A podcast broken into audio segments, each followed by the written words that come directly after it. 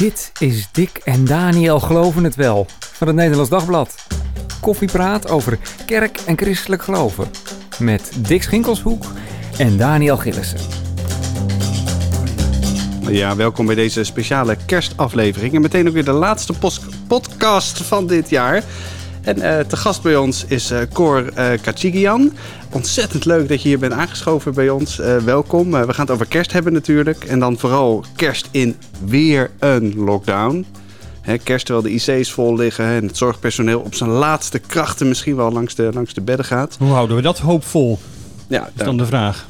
Ja, nee, fijn om hier te zijn. Dank voor de uitnodiging. Ja, want jij bent, uh, jij bent arts hè, op de spoedeisende hulp in het Antonius in, uh, in Nieuwegein. Hoe is de situatie op dit moment in jouw ziekenhuis? Nou, kijk, de situatie verandert per dag. En ik heb vandaag en gisteren niet gewerkt. Dus waarschijnlijk heb ik verouderde informatie. Nee, wij hebben natuurlijk heel veel reguliere zorg moeten afschalen. En dat is het meest pijnlijke. Om, om bedden te creëren voor de patiënten met COVID. En dat betekent dat de situatie onder controle is. Wel degelijk. Hè. Wij, wij, er is geen paniek bij ons. Het is hard werken, maar dat zijn we gewend. Alles is goed voorbereid. Want de afgelopen twee jaar hebben we flink voorbereid. Het is niet zo dat we niks hebben gedaan. Maar het meest pijnlijke is dat we de huidige zorg aankunnen ten koste van wat we eigenlijk het liefst hadden willen doen. En dat doet pijn. Ja. Hoe merk je dat? Merk je, de, merk je dat zelf ook? Uh, zeker. Patiënten die bijvoorbeeld op de spoed melden, waar ik dan mee te maken heb met andere klachten anders dan COVID, is vaak uh, of uh, regelmatig dat ze heel laat komen. Dus je merkt dat mensen klachten oh, ja. uitstellen, niet meteen naar de huisarts gaan of ook soms bang zijn om naar het ziekenhuis te komen. Want ergens snap ik ook wel, want bij ons heb je heel veel mensen met COVID. Dus als je mhm. daar weg blijft, voelt het veiliger. Maar het ziekenhuis moet juist de veilige plaats zijn. Dus het is heel gek. Maar, maar mensen zijn toch geneigd, patiënten zijn geneigd om later te komen, lang te wachten. En je hebt ook wel over de triage verteld en zo bij op televisie. Is dat ook wel iets wat nu, waar nu sprake van is? Waar je bij de spoedeisende hulp mee te maken hebt dat je toch keuzes moet maken? Of gelukkig, uh, nee, gelukkig is het niet zo. Wat jij bedoelt, denk ik, is bij code zwart dat je moet kiezen wie wel en wie niet. Hè? Maar we hebben zeker nog niemand af hoeven te wijzen. Dat, dat, dat gaan we ook voorlopig niet doen hoor. Dus in principe krijgt iedereen bij ons de beste zorg. Maar wat wel is, en daar, dat gesprek hebben we nu vaker misschien dan twee jaar geleden voor COVID, is dat iemand die al heel erg op leeftijd is, uh, een aantal andere ernstige ziektes heeft, in hoeverre heeft het nog zin om uh, met alle middelen die je hebt, 1, 2, 3 weken leven te rekken? Heeft dat zin?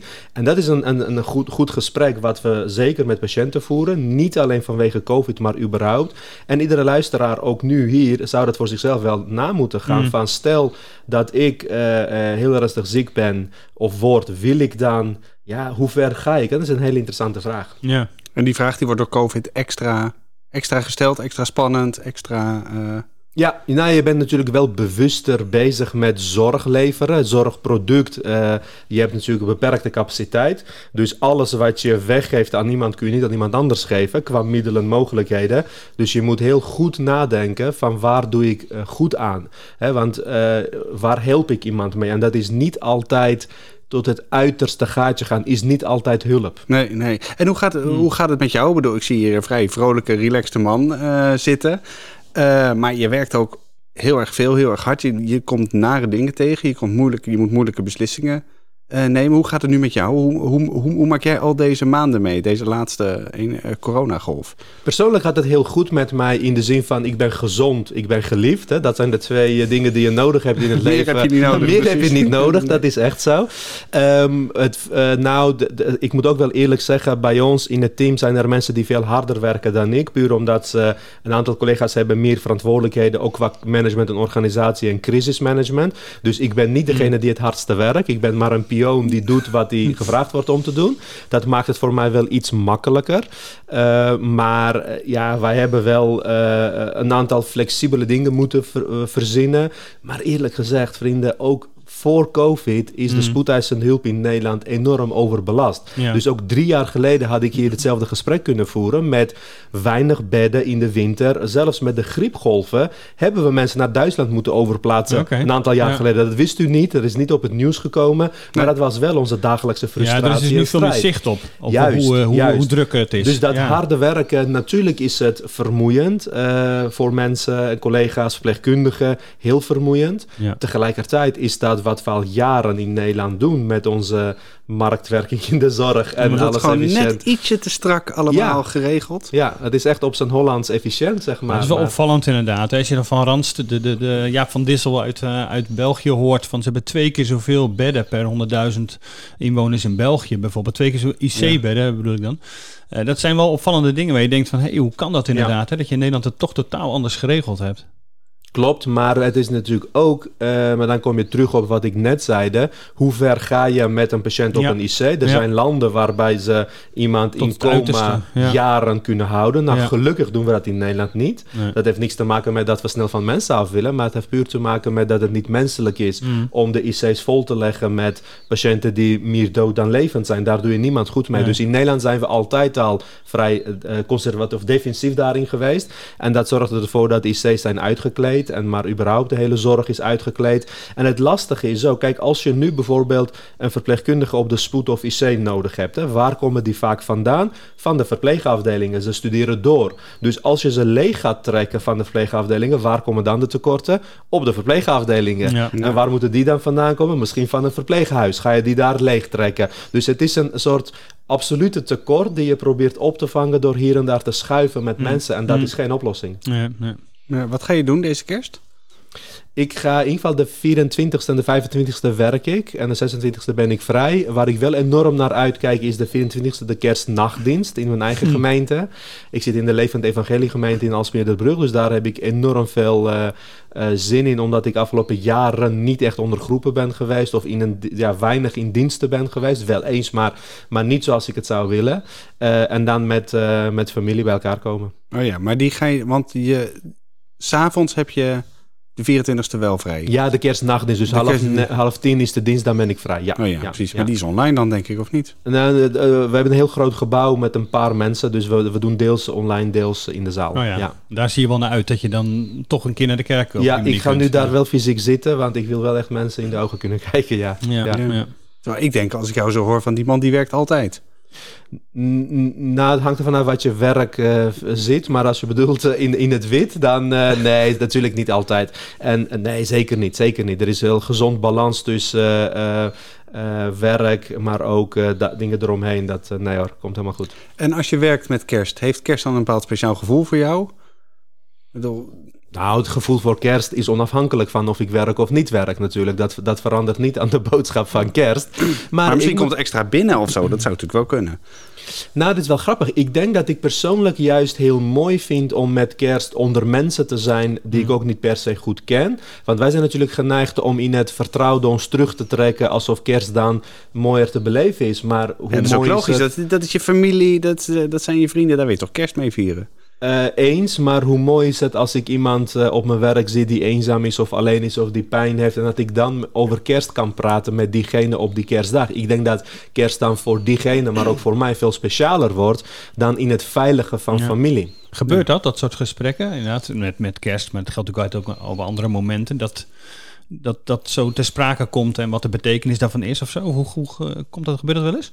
Kijk, alle mensen ehm, houden van eh, verhalen en delen van hun hart, delen van hun passie. Dus eh, ik probeer de mens te zien altijd buiten de pijn om of het diagnose om. Hè. Een, Mm. een, een mens is meer dan buikpijn, zeg maar. Daar zit, daar zit een heel verhaal soms achter. Gewoon hoe iemand is in het leven. Dus dat, ik heb vaak, probeer ik gesprekken te voeren over het leven. Eh, afhankelijk van of de patiënt daar eh, over wil praten of niet. Maar ik ben wel een, een type die open staat voor allerlei verhalen. Ja. En al gauw kom je over natuurlijk wat is belangrijk in het leven. Zeker in deze tijden. Ja. En dus soms ook over het geloof, soms over hele andere hobby's, soms over hele rare dingen. Maar ja, zeker, er is heel veel ruimte om interesse te tonen in de mens. En vaak is de patiënt ook geïnteresseerd in de dokter. Van Ja. wie is de man in Ja. de witte jas? Ja, precies, wie ben Je jij? je denkt, die heeft geen, heeft geen tijd misschien. Maar dat, nee, eh, oh, dat, nou, jawel hoor. Voor de patiënt hebben we altijd Ja? Tijd. Ja. Ja. hoor, gewoon naast zitten, een stoeltje erbij en eh, een goed gesprek. Ja, Ja. hoor. ja. Ga je met kerst ook nog voor of ga je nog iets doen? Eh, Nee, ik heb al eh, jaren besloten dat ik met kerstdagen zelf niet spreek. Puur omdat ik dan een consument wil zijn en ergens wil zitten. Want ik krijg wel vaak uitnodigingen, inderdaad. Maar eh, als je dat doet, dan blijf je dat doen. En kom je zelf niet meer aan die eigen rust toe. Dat, wat wat je net ook refereerde. Dus ik heb daar hele ja, keuzes in gemaakt om met dit soort dagen, maar zijn er vaak meerdere dagen gewoon bewust te kiezen. Nee, dan, eh, dan zit ik op een stoel. Ja. Maar hoe komt dat? Dat- dat- Je, je bent best vaak eh, spreker inderdaad in kerkdiensten. Bij EOBeam ben je dat geweest. En, eh, en, de, laatste, de laatste aflevering van EOBeam kerkdienst ga je ook, spreek je ook? Dan wordt er niet gepreekt, maar zitten we met een aantal sprekers Ja. aan tafel. Ja, Dat ja. is wel leuk. Leuk gesprek hebben we. Ja. En, en hoe, ehm, hoe is dat zo gekomen? Dat, dat, dat je gewoon dat, nou ja, noem het even voorgaan in kerkdiensten, spreken in kerkdiensten. Ja, zeg, heb je het over preken, over voorgaan, over Ja. spreken? Ik- of gebruik je alles alles even door elkaar. Ja, precies. Ja, ik ben natuurlijk een amateur, ik ben geen theoloog. Maar ik denk dat ik doe wat ik vind dat eigenlijk alle christenen zouden moeten doen. Dat is namelijk het, het delen van je passie over God en over Jezus. Da- Daarover getuigen, daarvan vertellen. Dat is wat ik doe. En doordat ik dat vol passie doe in mijn dagelijkse leven, werd ik zo nu dan ook gevraagd om het vanaf een podium te doen. Ja. Ik heb me vervolgens bekwaamd om goed te kunnen spreken, want ik vind, wel, ik vind wel dat je recht moet doen aan de hoorders, zeg maar. Dus je moet jezelf zo goed mogelijk voorbereiden. Hoe, Maar- heb je, hoe heb je dat gedaan? Nou, ik heb wat cursussen gevolgd. Oh Eh, ik heb me ook in de seculiere wereld gewoon laten trainen in de kunst van eh, eh, het spreken in het openbaar. Ja. Op de middelbare school vond ik het al leuk om te doen en daar, dat heb ik gewoon verder ontwikkeld. Ja, en een premier gezocht meegedaan, dat Oh soort ja, dingen. dat Dus ook nog. Dat maakte misschien ook wel dat het Ja, meer losmaakte. Nee, klopt. Het televisieprogramma ik wil zeggen, dat, eh, ja, dat, dat is lang geleden. Dat is- Dat was 2012 geloof ik Ja. zelf. Dat was heel lang geleden. Ja, toen had ik nog haar. Maar toen, ehm, wat wel bijzonder was, dat ook met zoiets als Primé gezocht, ik was niet anders dan waar ik voor stond. Dus ik Nee, heb nee. puur gedaan wie ik ben. En dat heeft zelfs ertoe ge- geleid dat men mij als winnaar heeft Ja. uitgeroepen. Terwijl initieel werd gedacht, ja, maar jij hebt christelijke ideeën of eh, dat gaat never nooit redden. Maar ja, dan oorspronkelijkheid. Gewoon ja, maar dan zie je weer, als je, als je echt staat voor waar je voor staat, als je bewogen bent voor je medemens en je deelt je verhaal, dan kun je dat met één op één doen of op een podium met duizend man. Ik heb eh, zowel hele grote podia gehad als ook één op één gesprekken. Nou, in beide gevallen probeer ik God te zien in de ander en te vertellen over mijn avonturen met hem. Hm. En Hoe is het met je politieke ambities? Toch even hoor nog. Ja, dat is een goede vraag hoor. Dat- Die vraag krijg ik de laatste tijd heel vaak. Vind ik ook wel leuk. Ben je, ben je gebeld door... eh, Nou, kijk, wat ik wel wil zeggen is dat ik eh, een niks op menselijk talent wil bereiken in de politiek. Ik ben niet van plan om gewoon puur do- door goed gebekt te zijn of wat debatkunstjes ergens een carrière te maken. Dat is niet mijn roeping. Als ik ehm, voor een situatie zou staan dat ik het verschil kan maken, dan wil ik beschikbaar en capabel zijn. Dus dat is wel waar ik me, in, waar ik me mee voorbereid. Maar op dit moment heb ik geen concrete ambities, nee. Maar ben je gebeld voor Rutte 4? Niet dat ik weet, nee. Niet dat je Ru- weet. Je Rutte zag 4, geen- het is, ik dacht Rutte 40. Is het 4? Maar voor mijn gevoel is het al 40 kabinetten Rutte. Nee hoor, eh, eh, nee. Je hebt geen gemiste oproep die je niet kan thuisbrengen.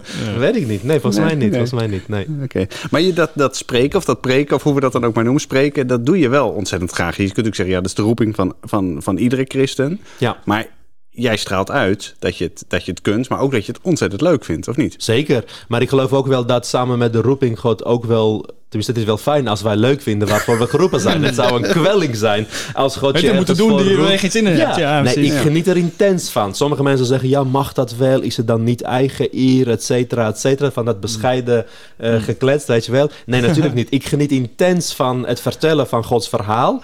En de ene keer gaat het beter dan de andere keer. Dat ook weer. Maar ik mag toch best wel eh, leuk vinden wat ik mag doen in de dienst van God. Want het is fantastisch dat je zoveel mensen kan inspireren. Vooral als ik kijk waar ik vandaan kom, jongens. Als ik, weet je, ik, ik, ik heb een start gehad waarbij niemand me kende, niemand had interesse in mijn verhaal, niemand wilde naar me luisteren. En nu mag ik echt honderden mensen, duizenden mensen bemoedigen, inspireren en, en, en, en raken. Ja, dat, dat is toch fantastisch. Ja. Laten we eens even naar een van die twee eh, eh, preken gaan, eh, naar, een, naar een van die preken gaan, gaan luisteren. Eh, een stukje daarvan heb je onlangs eh, gehouden in eh Mozaïek in, eh, in Veenendaal. Klein fragmentje. Bij God ben je welkom, gevaccineerd of niet gevaccineerd. Maar de niet gevaccineerden, die zijn zo hard soms campagne aan het voeren tegen dat er ook christenen zijn die stiekem vaccineren. Dat vind ik verdrietig. En andersom, er zijn gevaccineerden die zo hard wijzen naar de niet gevaccineerden dat die niet eens durven te zeggen dat ze niet gevaccineerd zijn. En beide kampen zijn verhard. Nou, van mij mogen mensen kiezen wat ze willen. Het enige wat ik u wil vragen is om met goede argumenten die keuzes te maken. Dat is het enige. Of je voor of tegen bent, kom dan met goede argumenten voor jezelf en voor je naaste. Ja, en dan kom jij ook maar nog met een reeks argumenten waarom je het in elk geval wel zou moeten doen. Want volgens mij ben je glashelder over wat, je, wat jij vindt dat mensen zouden moeten kiezen, ondanks dat je ze voor God uh, vrijlaat. Uh, wat zijn de reacties die je op deze preek hebt gekregen? Want hij is volgens mij op YouTube is hij al meer dan 40.000 keer bekeken. Um, goeie vraag, maar ik wil even terugkomen op wat je net zei. Men dacht dat ik zei wat ze moeten doen, hè, zoals jij dat formuleerde. Maar waar het mij om ging en de argumenten die ik noemde, zijn medische argumenten. Mm. En de keuze wordt vaak vertroebeld door politieke argumenten. Dat is een groot verschil tussen. Kijk, ik noemde volgens mij in deze verkondiging uh, dat vaccineren werkt en helpt. Ja, precies. Nou, men ziet dat als pleidooi voor het vaccineren. Dat, zo kun je het zien. Maar medisch gezien heb ik gelijk. Daar valt geen, niets tussen te krijgen. Nee. Hmm. Want een gevaccineerde heeft bewezen minder kans op ernstige ziekte. Is een feit. Punt. Dan komen mensen met tegenargumenten, bezwaren van ja, maar en deze hele maatregelen, de manier waarop en de dwang is toch niet goed. Maar daar heb ik het niet over. Ik heb het over dat medisch wetenschappelijk gezien is de vaccinatie, het valt tegen hoe goed die helpt. Dat is ook weer een feit. Maar het helpt wel, punt. Dus als de, de en, en mijn verdriet is vooral, ik krijg berichten, en dat is meteen antwoord op je vraag. Ik heb berichten gekregen van christenen die zeiden, ik ben gevaccineerd. Maar er wordt bij mij verteld mm. dat je naar de hel gaat als je gevaccineerd bent. Dat je de redding verliest omdat je hebt in laten spuiten met iets van de Satan. Ik vind het zo absurd. Nou, daar moet ik tegen spreken. Al gaan sommige andere christenen mij daardoor niet meer mogen, dat maakt me niet uit. Maar het gaat erom dat we dat soort absurde dwalingen. Er zijn echt voorgangers die dat roepen. De mhm. vaccinatie is van de duivel, de dokters zijn in het complot. Dus we worden compleet weggezet. En ja, gaat, Nou, daar moet een tegengeluid komen. Maar uiteindelijk is mijn uh, oproep om de keuze te maken op gezonde argumenten. Maar wel medische argumenten dus. Dus maak op basis daarvan, weet gewoon nou, wat er echt dat is dat, dat, dat, niet per se, maar laat je in ieder geval niet gek maken hmm. door verkeerde medische argumenten. Want veel mensen maken een, een, een, politieke keuze. Want als je jong en gezond bent, is vaccineren geen medisch argument. Want COVID is geen ziekte van jonge, gezonde mensen. Je hoeft niet bang te zijn. Statistisch is een acceptabele kans om ziek te worden en beter te worden. Dat hoort bij het leven. Ja. Maar uh, wat ik niet wil en waar ik, waar ik heel veel berichten van krijg, is dat christenen mij schrijven van klopt het dat allemaal babycellen zitten in, de, uh, in, de, in dat spul gespoten? Het antwoord is nee, dat is onzin. Laat je niet bang maken. Klopt het dat je DNA veranderd is? Nee, dat is onzin. Laat je niet bang maken. Dus dat soort medische onzin moeten we uit de wereld helpen. En als, maar sommige mensen zeggen terecht, reëel, yo, ik ben gezond, ik, doe, ik leef gezond, ik wil gewoon niet onder dwang en ik kies ervoor om niet me te laten vaccineren. Ik snap dat. En jij zegt dan, prima, jouw keuze. Jouw keuze, zeker. Ik ben geen voorstander van dwang. Dus de politieke campagne zoals de overheid dat nu voert, is niet medisch-wetenschappelijk onderbouwd. En van mij, kijk, wij waren van oudsher in de inburgeringscursussen toen ik dit land leerde kennen. Ja, want even voor de helderheid, je bent, komt uit uh, Armenië oorspronkelijk. Je bent op je twaalfde naar Nederland gekomen met je ouders. Dat is wel goed om even te weten, komen we zo nog even verder op terug. maar dan, maar uh... in, in, toen ik het, dit land leerde kennen, toen leerde ik dat Nederland een tolerant land is. Mm. Jongens, dat is niet meer waar. Of dat is nooit waar, geweest. Als ik zie hoe het nu gaat, wij zijn niet tolerant. Wij zijn zo agressief naar elkaar. Wij zijn zo in, aan, aan, aan, aan het strijden. Dus dat, dat laat zien dat er uh, ook eigenlijk vanuit de overheid... overheid heeft geen idee waarom mensen zich niet laten vaccineren... is ook niet eens geïnteresseerd in die argumenten. Nee, je moet het gewoon doen. Ja, maar dat, en, en andersom ook. Ik hoor van, uh, overigens ook bij mijn optreden bij Jeroen Pauw... maar ook na mm. mijn preek bij Mozaïek... kreeg ik ook honderden berichten van gevaccineerden. Die zeiden we zijn voorstander van vaccinatie, maar we zijn tegen het bijna verketteren en vervolgen van de ongevaccineerden. Dus het is zo ongemakkelijk aan het worden dat we groepen wegzetten. En daar ben ik tegen. Dus om even terug te komen op deze verkondiging bij Mozaïek. Ik heb echt heel veel berichten uh, gekregen. Dat wil ik geloven. over het algemeen snappen mensen dat mijn oproep is: laat je goed argumenteren, of, of baseer je op goede mhm. argumenten. Mhm. Medisch wetenschappelijk wetenschappelijk helpt vaccineren wel, punt. Uh, maar of je het doet of niet, is echt een persoonlijke keus. Ja, maar wat zijn die reacties die je erop hebt gekregen? Nou, ik heb een aantal mensen die proberen mij te laten zien uh, dat, dat vaccineren echt van de vijand is. Dus die komen met, uh, met allerlei berichtgevingen van bronnen die onbetrouwbaar zijn. Dus ik ga daar niet eens op in. Het kost me heel veel tijd en moeite ja. om al die onzin te lezen. Hoe vind je dat dat christenen met dat soort bronnen aankomen? Want die zou daarvan ook kunnen denken, inderdaad. Wij we hebben dat als media ook. We, ja. altijd, hè? we komen ook voortdurend, krijgen we reacties van mensen. Heb je dat gelezen? Heb je dat wel onderzocht? Vaak op dubieuze bronnen. Proberen daar nog nou ja, ook keer weer de goede voorlichting op te geven. Te laten zien wat inderdaad echt uh, uh, in elk geval uh, de goede bronnen zijn. Ja. Maar, nou, wat ik heb gemerkt is dat mensen vaak zien wat ze willen zien. Dus ergens vinden ze iets wat bevestigt wat ze denken. Dus gaan ze dat als autoriteit ja. zien. En, uh, en ik merk dat uh, vaak door angst geleid is. Uh, als je angstig bent, dan ga je steeds verder in dat moeras mm. zitten. Want dan zie je opeens in alles een gevaar en, en zie je nou wel. Dus dat, dat gevoel. En dat komt heel erg door angst. Dus ik probeer vaak mensen, uh, uh, als ik de kans krijg, alleen vaak staan ze er niet voor open, om te laten zien van, joh, maar vraag je af wie de, de, de bron is of uh, wat de drijfveer is van iemand en hoe wetenschappelijk is dit. Dus ik probeer het wel, maar eerlijk gezegd, het is een verloren strijd. Als iemand al zo vol zit van een idee, dan, dan, dan heeft het geen zin om daarop in te gaan. Nee. Het punt is natuurlijk dat het behoorlijk verdeeld. Niet alleen uh, vaccineren, maar ook de maatregelen. Ja. Uh, alles wat daarover afgekondigd wordt. Nu uh, lockdown met kerst. En dan mensen zeggen juist ook dat wordt ingegeven door angst. Hè. We zijn maar bang voor die Omicron variant. Ja. We, we, durven niet meer te accepteren dat er mensen overlijden. gaan we, zijn we niet daar veel te... Ja, willen we de boel niet veel te veel beheersen? Dat is ook een reactie, juist uh, de, het tegenover. Ja. Uh, jullie zijn angstig, degene die de beslissingen nu nemen om de boel op slot te gooien. Klopt. Hoe zie jij dat? Kijk, het feit is dat wij nu twee jaar later, en dat, dat kwam ook ter sprake toen bijvoorbeeld bij Jeroen Pauw met ja. ook de heer Kuipers aan tafel, dat de cijfers slechter voorstaan dan twee jaar dan initieel. Ja. En dat ondanks alle menselijke inspanning. Dat is een feit. Ja. Nou kun je wel een schuldige gaan zoeken. Maar feit is dat het ons gewoon niet gelukt is. We zijn compleet mislukt hierin, wereldwijd. Hè? Dus ja. is het eerlijke verhaal inderdaad dat het ons dat alles willen beheersen, beperken, uh, eigen draai aangeven, gaat ons niet in zijn totaliteit lukken. We moeten accepteren dat een infectieziekte zich zo gedraagt. Het is niet de schuld van 15% ongevaccineerden. Dus wij moeten ook erkennen dat we niet een schuldige moeten gaan zoeken, maar accepteren dat een infectieziekte zich zo gaat gedragen. Je moet de klappen kunnen opvangen, maar ook wel een hoge prijs betalen. Er zullen kwetsbare mensen hieraan overlijden, wel of niet gevaccineerd.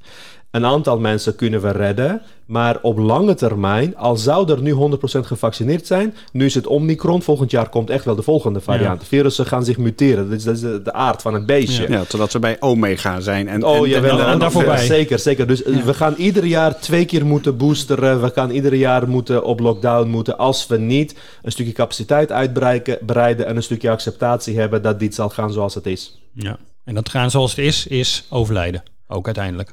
Nou ja, dat, dat gaat denk ik erbij horen. Ja. Kijk, dat is, dat, is, dat is niet iets wat ik wil. Nee, nee. Laten we eerlijk zijn. Nee. Want mijn, dat, dat, is, dat is onze grootste schrik, zeg maar. Dat wij ook als, als medische wetenschap een patiënt verliezen. Dat is gewoon wat je niet wil. Maar het hoort bij het leven. Wij kunnen niet alles ten alle tijden uitsluiten, buitensluiten, beheersen. Dat gaat ons niet lukken. Nee, maar opschalen, dus uh, capaciteit van ziekenhuizen en dergelijke, moet, moet ook wel gebeuren. Wil je Zeker. dit de komende ik, jaren ja, op een of andere manier kunnen handelen? Uh, heel duidelijk van mening dat als we niks doen aan de uitbreiding van opnamecapaciteit, dat is zowel verpleegkundig gewone zaalwerk als ook intensive care, spoedeisende hulp en medium care en al die facetten moeten uitgebreid worden. Er moet meer geld komen, meer mensen moeten opgeleid worden.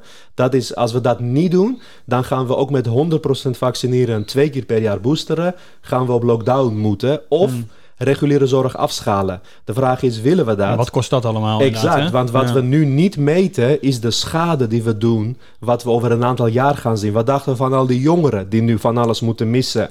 Uh, de, scholen de, dicht. De scholen dichten. Uh, er, er, is zoveel achterstand die we creëren, zoveel patiëntenzorg die we uitstellen met een hoge prijs die we gaan betalen. Mm, mm. Dat, dat is niet op te lossen met alleen vaccineren. Dat is een sprookje. Maar dan maar, maakt het kabinetsbeleid je nog niet heel blij van de komende periode. Niet als het gaat om, bestrijden van Ja. COVID. Want ik heb het idee dat de politici die volgen natuurlijk... eh, althans, zij zeggen dat ze de, de, de spe- specialisten volgen, zeg maar. Of de, Ja. De, de, de- de wetenschappers. Maar alles lijkt nu ingezet te worden op vaccineren en eh, lockdown. Dat is nu de tool die gebruikt wordt. Maar überhaupt, weet je, er is nu een discussie over de booster. De discussiepunt is waarom komt het laat op gang? Maar we moeten ons afvragen waarom is het überhaupt nodig? Want acht maanden geleden hoorde ik niks over een booster. Toen het, toen het geïntroduceerd werd, sprak niemand over een booster.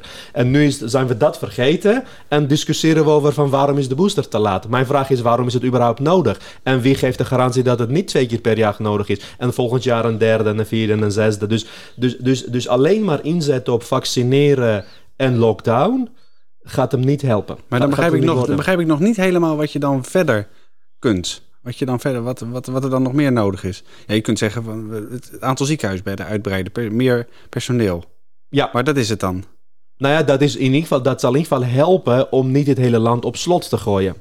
Dus op het moment dat je meer capaciteit hebt en de reguliere zorg door kunt laten gaan, dan moet je accepteren dus dat mensen met COVID ziek gaan worden en eh, dat er op een gegeven moment wel een bepaald immuniteit opgebouwd wordt en de virus gaat verzwakken, want hij zal muteren. De hoop is dat hij verzwakt. Zie en dat er dan uitdooft. Want Dat is ook het- wat heel veel mensen zeggen. Op een gegeven moment is dat virus uitgeraasd.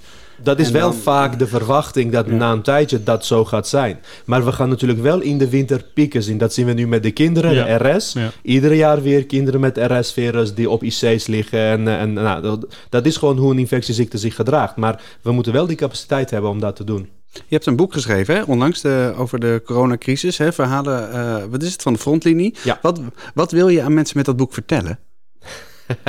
Eh, het boek is bedoeld, eh, het is natuurlijk helemaal in de eerste golf ook meteen uitgekomen. Ja, Het boek ja. is bedoeld als een kijkje achter de schermen eh, tijdens het opschalen. Dus ik heb heel kwetsbaar laten zien waar ik als zorgprofessioneel meemaakte.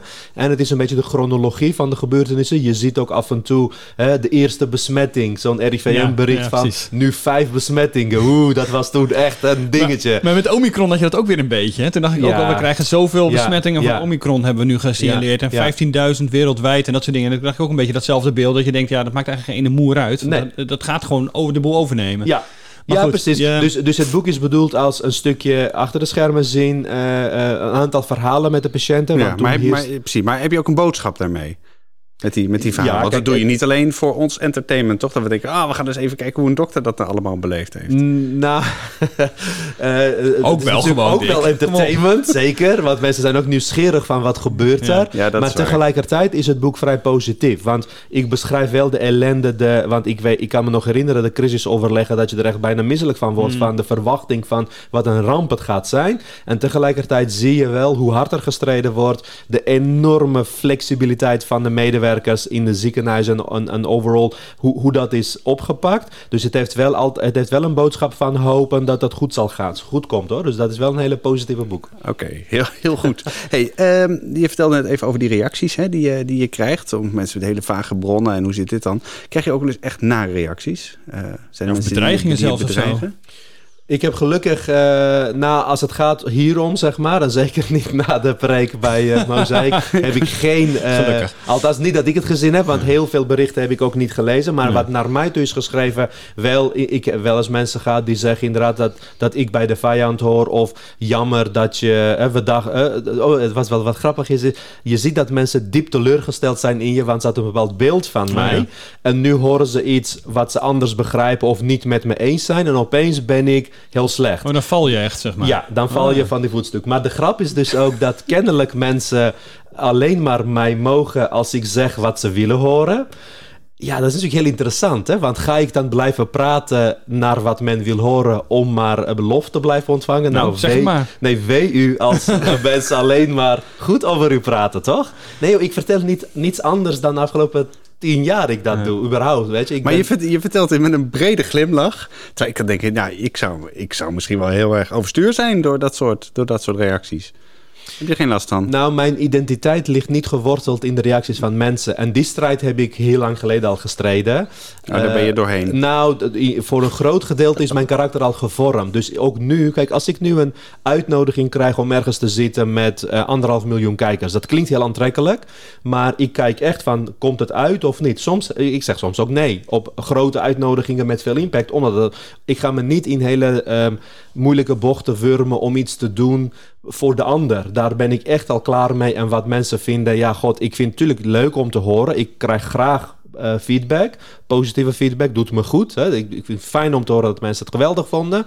En als mensen het helemaal niks vonden met goede argumenten, luister ik er ook naar. Maar als ze teleurgesteld zijn dat ik heb gezegd dat vaccineren werkt, wat een medische uitspraak is, ja, het spijt me, maar dan stel ik ze liever teleur. Maar het is wel tof dat je tegen onze anderhalf miljoen luisteraars gewoon geen Ja, hebt gezegd. nee, nee, dat sowieso. bent, hè? Al, al zou er één luisteren, jongens, dan zit ik hier met plezier. Dan weet ik niet of wij deze podcast zouden maken, zou ik eerlijk zeggen. Maar ach, wie weet, misschien Nou wel. ja, precies. Nee, zeker. Gewoon eh, voor dit gesprek met jou. eh, ja, precies. Ja. Hey, ehm, even over, over jou. Eh, je bent op je twaalfde naar Nederland gekomen. Ehm, hoe, ben, hoe ben je hier terecht gekomen? Wil, wil je daar iets over vertellen? Hoe? Nou, met de auto. Met de auto. Nee, kijk, mijn ouders hebben hier asiel aangevraagd in 99. En dat is, daarna begint een heel circus, want je wordt gestuurd van opvang naar opvang. Uiteindelijk zijn we een keer of zeven tot tien verhuisd. En de, de langste eh, periode heb ik op Texel mogen verblijven in een asielzoekerscentrum. Er waren er twee, de ene ging dicht en toen die andere. Dus, dus het was heel erg van korte duur per, per stad eh, eh, dat je aan het Oh. rondzwerven Hoe bent. slopend is dat? Even voor de luisteraar. te- te- Ja. Dat, dat Dat besef, is- omdat het nu ook gebeurt. Ja, dat is eh, slopend als je eh, veel waarde hecht aan vastigheid. Maar voor eh, mij heeft het heel erg eh, geholpen om flexibel te zijn.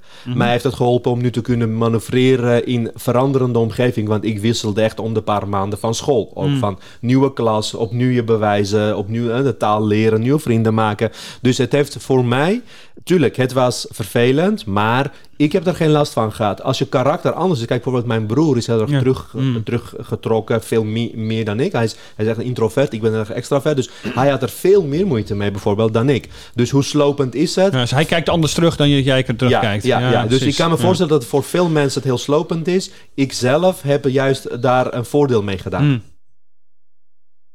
Door die flexibiliteit en door... Je bent een beetje st- stil van, hè? Je moest echt even Ja. nadenken. Nou ja, ik bedoel, ik, eh, ik denk even bij mezelf, hoe zou ik dat ervaren hebben? Ik hou Ja. ook heel erg van die vastigheid. En, Ja.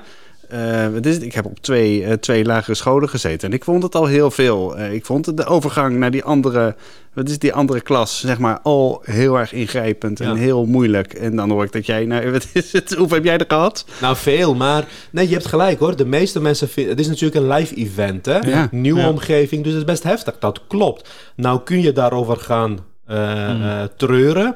Maar ik dacht juist van, hey, nieuwe kansen. Dus het is een andere manier van denken. Ja. Ik probeer daar mijn voordeel mee te doen, omdat elke strijd die we strijden, je kan bitter worden, maar je kan ook beter worden. Maar dat geldt eigenlijk een beetje van hoe jij überhaupt in het leven staat. Hè? Ik denk dat er ook in, daar in de preek bij Mozaïek had je daar een eh, fragment over zei hoe het met Jan-Peter Balkenende toen je hem Oh ja. ontmoette en hoe dat eh, ging. Jan-Peter Balkenende was daar. En ehm, eh, na afloop van mijn speech kwam hij naar me toe. Hij gaf me een hand en hij zei: Ik wil je bedanken, Gor, dat je echt een bouwer bent in dit land.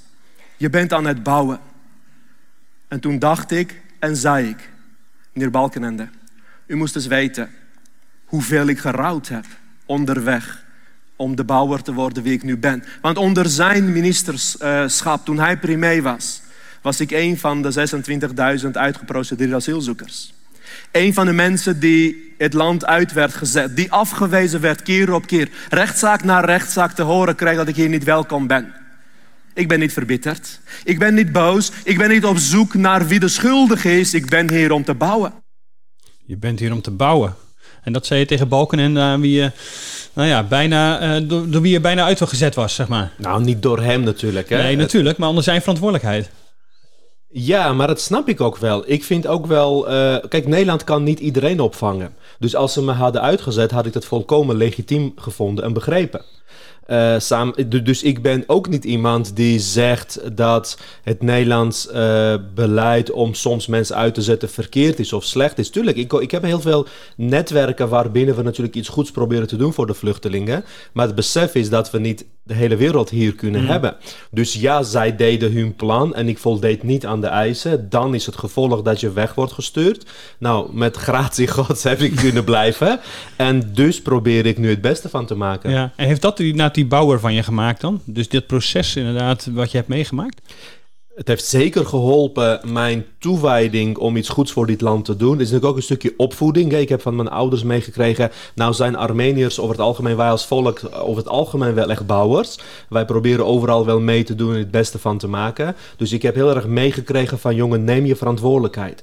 Als je over weinig uh, beschikt, neem je verantwoordelijkheid. Als je over veel beschikt, neem je verantwoordelijkheid. Dus dat, dat moet met, niet talenten, veranderen. hoeveel je Iets er ook met hebt. talenten, ja, ja, precies. Ja. Dus, en, en dat heb ik al vanuit, van jongs af aan meegekregen. En hoe meer kansen ik kreeg, hoe meer ik dacht, yes, ik wil hier het verschil maken. Dus ik heb af en toe ook onderweg mensen gehad die het me niet gunden hoor. Maar dan kun je wel gaan lopen huilen in een hoekje van. Uh, nee, oké, als iemand moeite met mij heeft, dan zegt het iets meer over diegene, denk ik, dan over mij of over dit Ja. land. Dus ik heb altijd geprobeerd om uh, ja, het beste terug te geven aan Nederland. Maar was die droom om arts... Was het, nee, laat ik het zo vragen. Was dat een droom om arts te worden? Was dat iets waar je, waar je dacht, ook als, als uh, in je jonge jaren, van dat is eigenlijk wel iets wat ik zou willen gaan doen Ja. later? Ja, ik heb altijd gedacht en gedroomd en uitgesproken dat ik dokter ging worden. En het was natuurlijk een onmogelijke droom, eenmaal in Nederland. Want uh, vanaf mijn twaalfde, zeg maar, tot mijn twintigste was ik een uitgepro- nou, dan was, Mhm. ik, was ik vluchteling. En uh, nummers... Mag je niks? Dan mag je niks, maar het, het, de, studie is ook een numerus fixus. Is een lotingstudie Ja, was ja. het in die tijd. Dus de kans dat je überhaupt binnenkwam was niet groot. Dus ik heb echt wel onmogelijk gedroomd. Maar uh, zie, hier ben ik, omdat wij een God hebben van onmogelijkhe- onmogelijkheden en die het mogelijk maakt. Dus ik heb... Ja, zie je dat als, als het werk van, van God inderdaad, dat je uiteindelijk nou ja, bent geworden wie je bent als arts en dat je de, dat, daar binnenkwam? Absoluut, 100%. Sterker nog, als ik uh, terugkijk naar mijn leven, ik had alle redenen, begrijpelijkerwijs, om af te haken. Om verbitterd te raken, om mezelf te verdoven, om, naar, uh, uh, nou ja, om, om, te ontsporen. Ik had alle mm. mogelijkheden daartoe en alle gelegenheden daartoe. En tegelijkertijd heb ik me altijd geroepen gevoeld en geleid gevoeld door God. En ik zag ook wel dat ondanks de, uh, de strijd en de pijn, hij nooit toeliet dat ik helemaal zou verzuipen. Ik heb wel eens gezegd, ook in getuigenissen, het water stond aan tot aan mijn lippen, maar ik, ik, ik, wist, ik ga niet verzuipen, want zijn hand is op mij. Dat voelde je ook al wel voordat, het, voordat je op je twintigste hoorde dat je mocht blijven? Oh ja, zeker. Ja? Ik denk, op mijn, ja, want ik ben, tot, ik ben iets jonger tot geloof gekomen. Ik ja. heb me laten dopen hier in Nederland. Mm. Uh, en toen ik op het punt kwam dat ik wist... Er is een God in de hemel die van me houdt. En eigenlijk maakt het niet meer uit waar ik ben en wat ik doe. Toen kwam ik pas tot rust. En toen, uh, pas veel later, kwam de. Ja. Ja. Hoe is dat gegaan? Hoe ben je tot geloof gekomen? nou, wij zijn op een gegeven moment uh, uitgenodigd om naar een kerk te gaan, naar een baptistengemeente op Texel. En wij dachten altijd dat, uh, sterk, nou, in, in het kamp, in het asielzoekerscentrum was het geluid verspreid dat die ene mevrouw die mensen naar de kerk meeneemt van een secte is, daar moet je voor uitkijken. Dus hele negatieve geluiden. En ons beeld van een kerk was, als traditioneel Armeens, zeg maar, dat het een groot gebouw is met de beelden, de kaarsen en een priester in een jurk, zeg maar. Dat was ons beeld. Dus toen we eenmaal in die kerk terecht kwamen met alle negatieve geluiden. En wat we zagen was gewoon een zaal normale mensen in normale kleding die gewoon Nederlands spraken. Ja, dat was eerst een shock van dit kan toch niet van God zijn. Is dit wel een kerk? Is dit wel een kerk? Of is, is woont God hier dan? Ja. Ik dacht zo armzalig, maar... Want je bent, wat is het Armeens orthodox of Armeens... Uh, ja, christelijk van uh, Ja, van Armeens Apostolische ja. Kerk, zeg maar. Zo, zo, heet ja. het, zo heet het. Het is een heel oud kerk, een heel ja. oude traditie. Met, met, met, met een echte eigen manier van dingen beleven. Daar heb ik niet zo heel veel van meegekregen. Ook omdat daar niet gepredikt wordt, niet geleerd wordt van... Zoals ik dat zag bij de Baptistengemeente. Waarin ook bijbelstudies waren, jongerenavonden waren. En dus het, het, het, het, het triggerde mij dat dit mensen waren die echt nadachten. dat ze het onderzochten en het goede wilden behouden. Nou, daar ben ik in meegegaan. En zo, eh, zo heb ik pas voor het eerst geleerd wie God is. Gelukkig was het geen coronatijd. Nee, nee, Goeie toen heden, zeker zeg. niet. Zeker wordt het wel niet. lastiger om tot geloof te komen in deze tijd. Ja, dat weet ik niet. Ik denk, nou, dat ben ik niet met je eens. Ik denk dat God niet afhankelijk is van een lockdown. Sterker nog, ik, ik, ik spreek nu best wel niet-gelovigen, misschien wel meer dan voor COVID, dat ze met mij over het geloof praten. Omdat ze geboeid zijn, getriggerd zijn, omdat ze teruggeworpen zijn naar de basics. Wat is nou echt belangrijk in het leven? Mhm. Eh, en omdat ik natuurlijk ook de kans heb gekregen om aan een grotere publiek te laten zien dat ik ondanks mijn geloof, ja het klinkt raar, maar ondanks mijn geloof, dat is eigenlijk heel raar. Ja, zo, zo, zo Alsof moet je, dat een beperking is. zo moet je maar dat in Nederland zeggen. Ja. dankzij mijn geloof, Ja. dat ik ook echt wel, dat ik vind dat wij christenen gewoon in de modder moeten staan, vooraan moeten Mhm. staan om de klus te willen klaren. Maar je loopt minder makkelijk een kerk binnen. Dat bedoel ik natuurlijk. Maar eh, Ja, wil zeggen, voor, dat je voor- minder mensen ontmoet. Maar juist, Ja. het hielp jou dus wel om ook in die omgeving te zijn. ja zeker. En eh, eh, inderdaad, ja, uitstraling zeg maar online of juist op andere manieren, waardoor het, er wordt aan de fundamenten van, van iedereen geschud. Dus eh, dat betekent al wel meer dat je dat merk ook al, dat je van gesprekken hebt met mensen ook over die fundamenten. Ja. Dus in die zin triggert mensen meer. Anderzijds, de ontmoeting is natuurlijk wel wat ingewikkelder op dit moment. Klopt, klopt. Ja. Ja. Hey, eh, hoe beleefde je als, eh, want ik kan toch wel even nog weer over kerst hebben. Eh, hoe beleefde je als kind kerst? In Armenië is kerst eh, 6 januari, wat hier volgens mij drie koningen is. Mhm, precies, een, ja. andere agenda. Andere agenda. Maar wat, wat, zo, wat, het aan de, ha- wat er aan de hand was, is dat door de Sovjet-tijd de hele geloofsbeleving een beetje eh, op de achtergrond is geraakt. Dus kerst is helaas in de postcommunistische landen niet meer zo groot zoals het bedoeld was. Dus dat, dat was verder helemaal niks wat je hier hebt. Dus ik heb als kind niet zo heel veel met kerst gehad, eerlijk gezegd. Oké, en later, en in Nederland?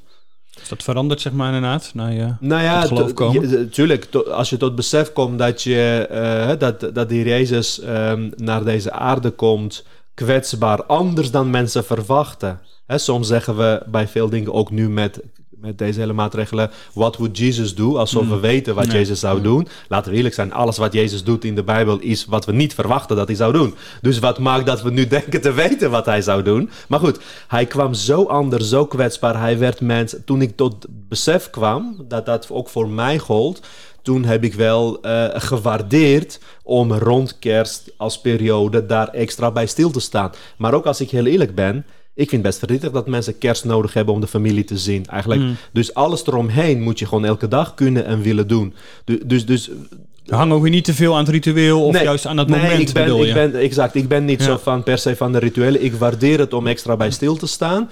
Maar wij moeten uitkijken dat dat niet een jaarlijks iets is. Want weet je, ik zie met kerst soms ook patiënten Mhm. die door de eenzaamheid juist ehm, slechter gaan. En vervolgens, of vroeger kwam ik vanuit de huisartsenpost als bijbaantje heb ik gewerkt, kwamen we bij mensen thuis op visite. Oh ja. Ik zag op de muur honderden kaarten, maar eenzaam aan het wegrotten en, en de dokter maar bellen. Zo verdrietig. Daar kun je bijna boos over worden. Dan zeg je, wat heb je nou aan die honderden kaarten? Dat, je, dat er niemand is die nu bij je zit. En, en dat is ook kerst. Wij denken van, eh, met kerst gaan we iemand zien. Ga die elke dag zien, alsjeblieft. Deel je liefde elke dag. Praat over Jezus elke dag en niet alleen met kerst. Is dat ook de relativering inderdaad van kerst in lockdown-tijd, zoals het nu weer is, net als vorig jaar? Dat we minder mogen, dat we misschien met vier mensen op bezoek en dat soort dingen. Maar waardeer die vier mensen en waardeer dat je het op andere momenten eh, ook gewoon kunt. Ja, dan moet je met twee, Sta hè? niet helemaal, en dan met twee natuurlijk. Ja, maar het is ja. juist, eh, tuurlijk, dit, dit, dit is echt heel eh, rot, de situatie waarin we zitten. Maar ook dit is weer een kans om Ja. de mensen die je spreekt de, de, ten diepste te connecten. En om, om, dat, om dat elke dag te proberen te doen. Hè? Wat je, eh, als je het liefst met 16 man had gezeten en nu dat niet kan, ga dan acht keer met twee man zitten, je er ook. Doe dat elke dag. Zoek mensen op. Zoek die toe- toenadering en praat over de geboorte van Jezus. Wat betekende dat? Voor heel veel mensen is kerst ook zeg maar Xmas geworden. De letter X staat dan voor het onbekende, denk ik dan. Althans, dat leerde ik bij wiskunde. Nou, kerst is niet onbekend. Kindje Jezus is bekend. Hij heeft een naam. Hij heeft onder ons geleefd. Maar dat Christmas van Xmas, dat is verschrikkelijk. Maar die tijd gaan we wel tegemoet.